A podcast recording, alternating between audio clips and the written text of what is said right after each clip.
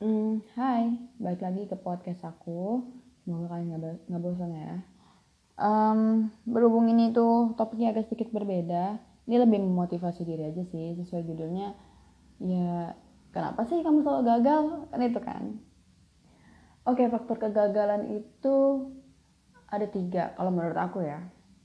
Yang yang pertama usaha, yang kedua doa, yang ketiga takdir. Um, gue sebenarnya bukan gagal, belum berhasil. Sebenarnya di dunia ini tidak ada orang gagal. Hanya saja dia belum berhasil, belum mampu. Dia itu doang. Selagi kita masih punya nyawa, ya kita bisa ngapain aja. Uh, contohnya nih, yang pertama, aku akan bahas satu-satu. Uh, pertama dari uh, usaha dulu deh. Orang udah berdoa, tapi dia nggak usaha sebenarnya doa usaha itu doa dan usaha adalah suatu rangkaian. Jadi satu paket. Tapi uh, ada juga yang bisa memecah keduanya adalah takdir gitu. Tapi yang bisa mengubah takdir itu doa dan usaha. Ya gitu aja.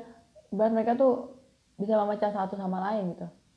Ya doa dan usaha itu bisa dikalahkan sama takdir.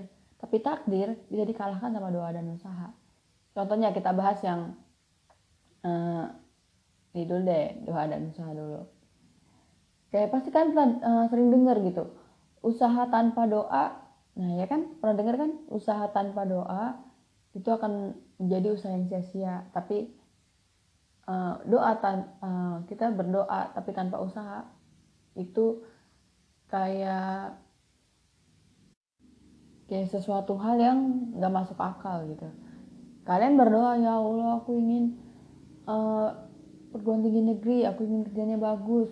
Tapi gak ada usahanya gitu nggak ada usaha nyari kerja nggak ada usaha belajar cuma doa aja.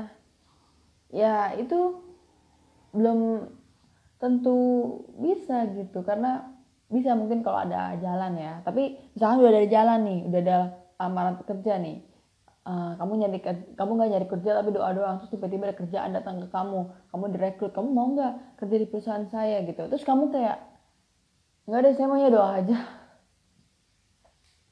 Ya nggak bisa gitu gitu. Um, jadi harus selaras sama usaha-usaha iya doa iya. Aku punya suatu cerita tentang diri aku. Uh, aku dulu SMA itu maksudnya kayak ya jarang belajar kayak gitu kan. Sampai suatu ketika aku mau ujian ke perguruan tinggi negeri.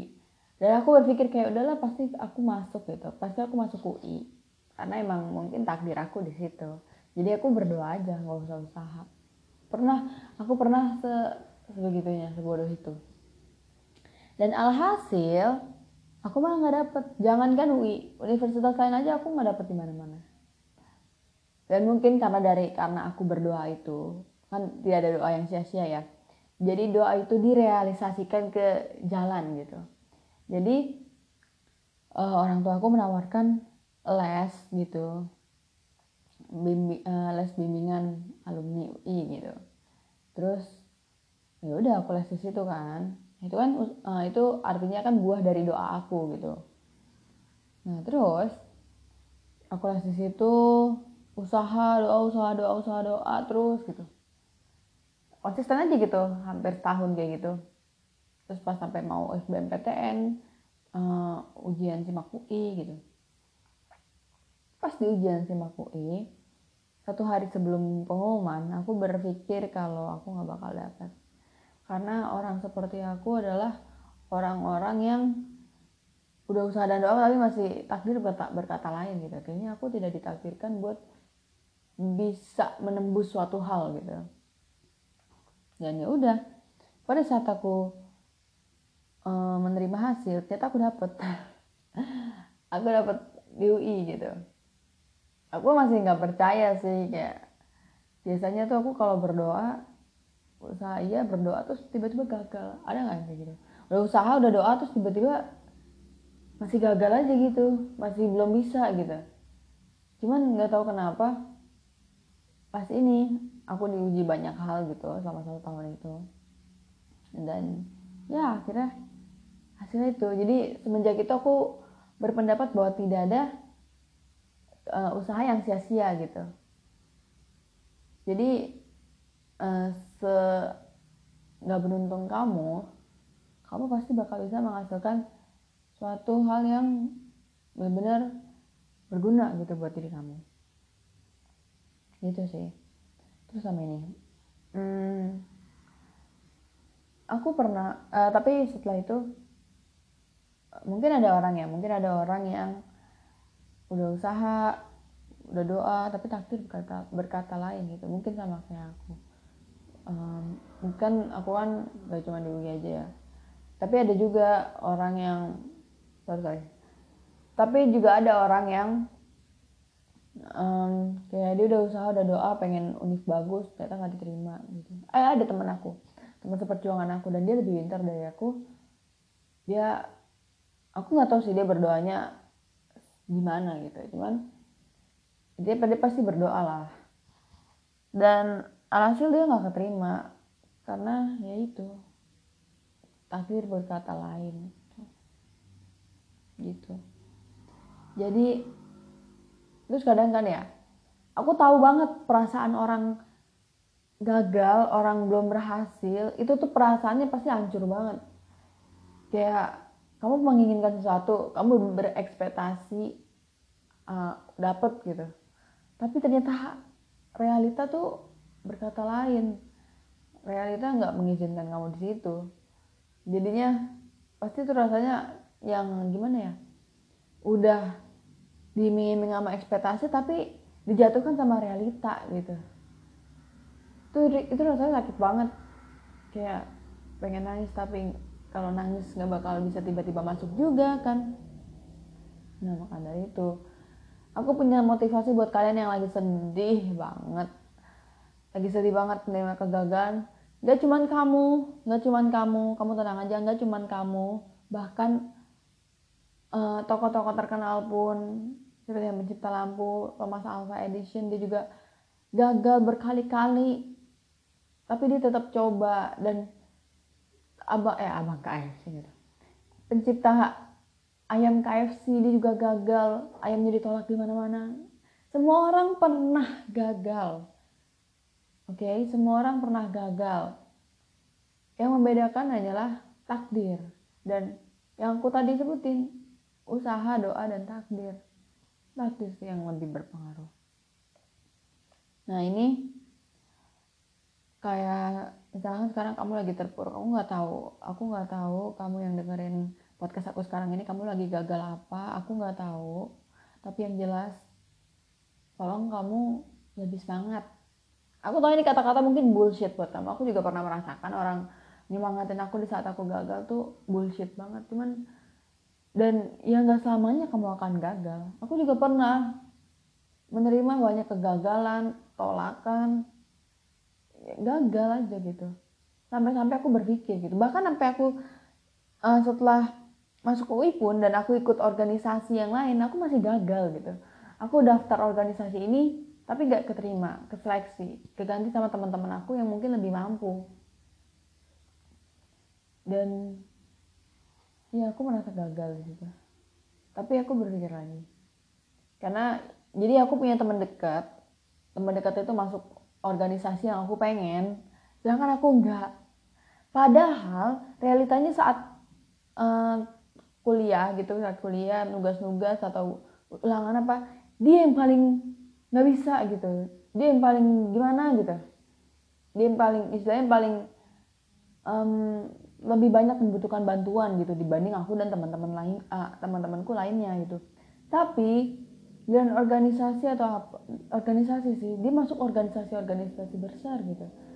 Selektif. Terus aku juga tahu juga karena aku teman deketnya dia kan dia tuh gagal gitu dalam urusan cowok percintaan. Sedangkan menurutku aku yang sekarang itu udah nyaman-nyaman aja gitu sama kehidupanku.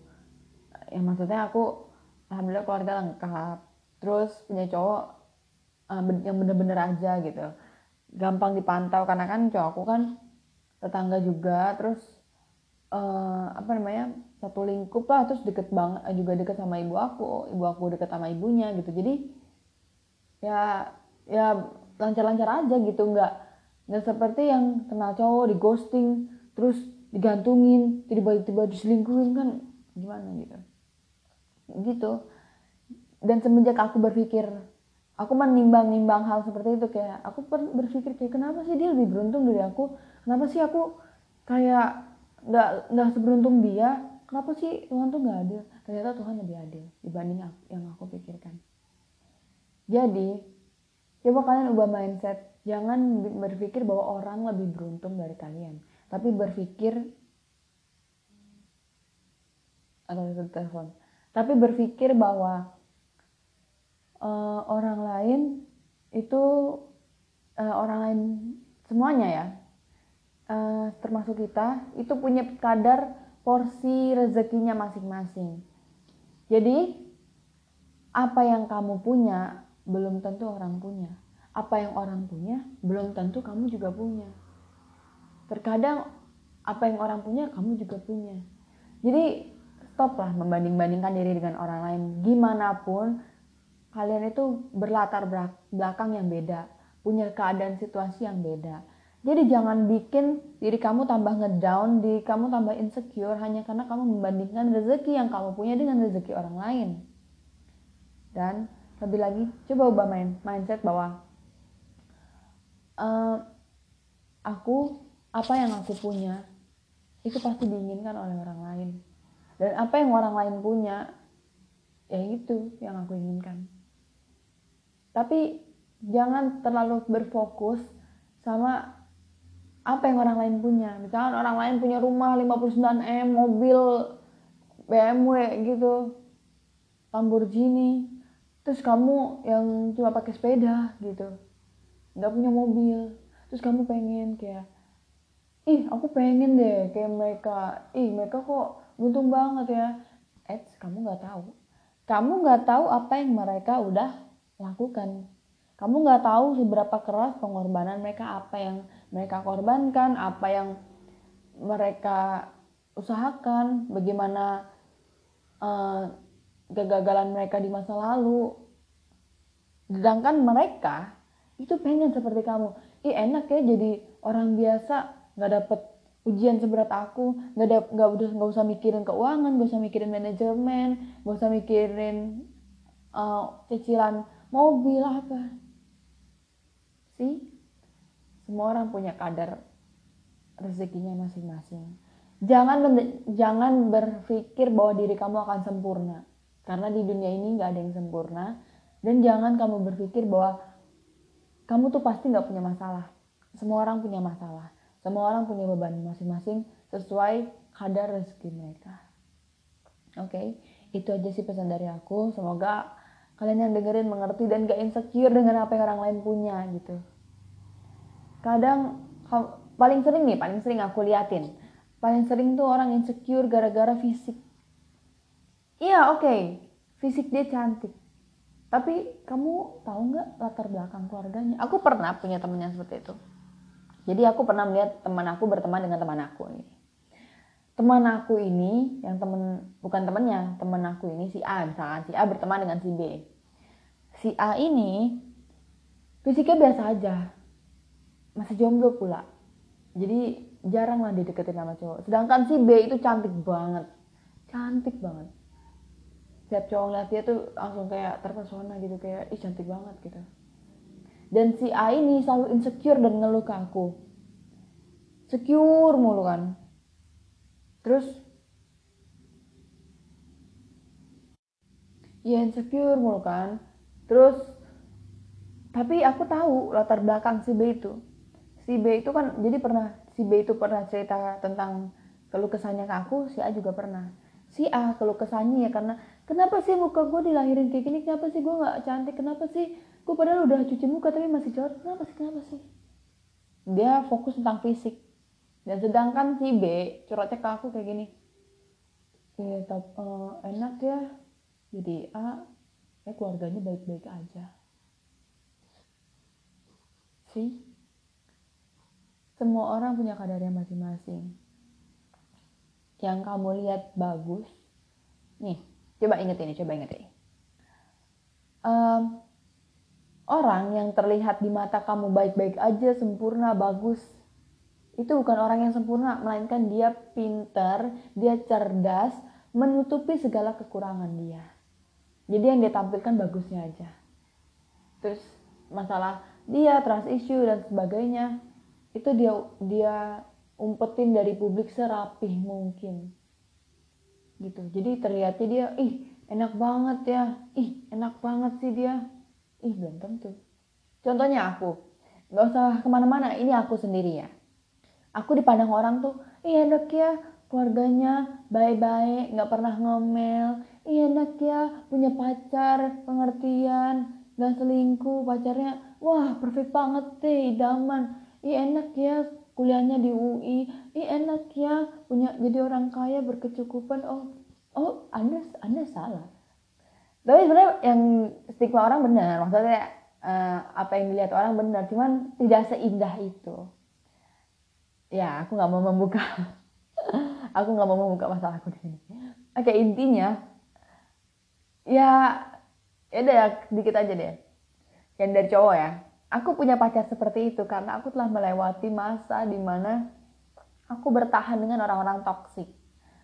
Aku bertahan dengan orang-orang seperti ini dan untuk dapat UI itu itu tuh sampai apa ya kalian pernah gak sih tidur cuma dua jam sama sehari? Aku nggak tahu itu aku bakal kena penyakit atau apa aku nggak tahu.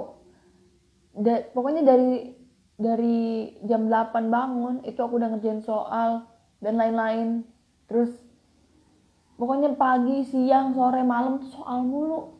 Bahkan aku tryout tiap hari ibaratkan ke UTBK setiap hari gitu gitu terus aku uh, sampai malam pokoknya sampai subuh uh, azan subuh itu baru aku bisa tidur. Gitu. Dan aku ulang itu setiap hari tiga bulan sebelum menjelang uh, UTBK SBMPTN dan dan ya of course itu membuat aku gila.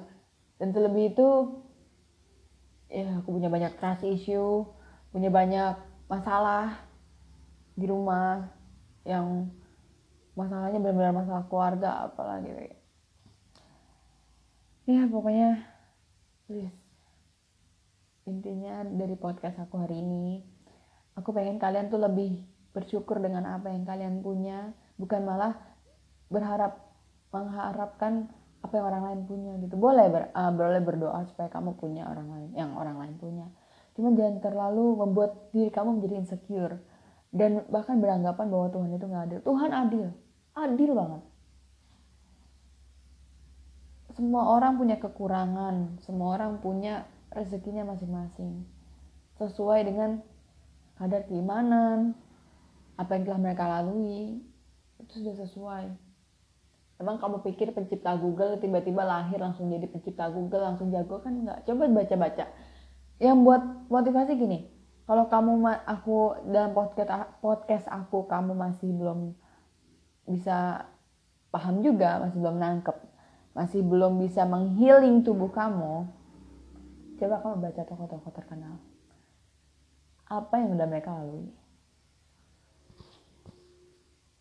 Apa aja yang udah mereka coba, apa aja kegagalan mereka? Semasa mereka mencoba kesuksesan mereka.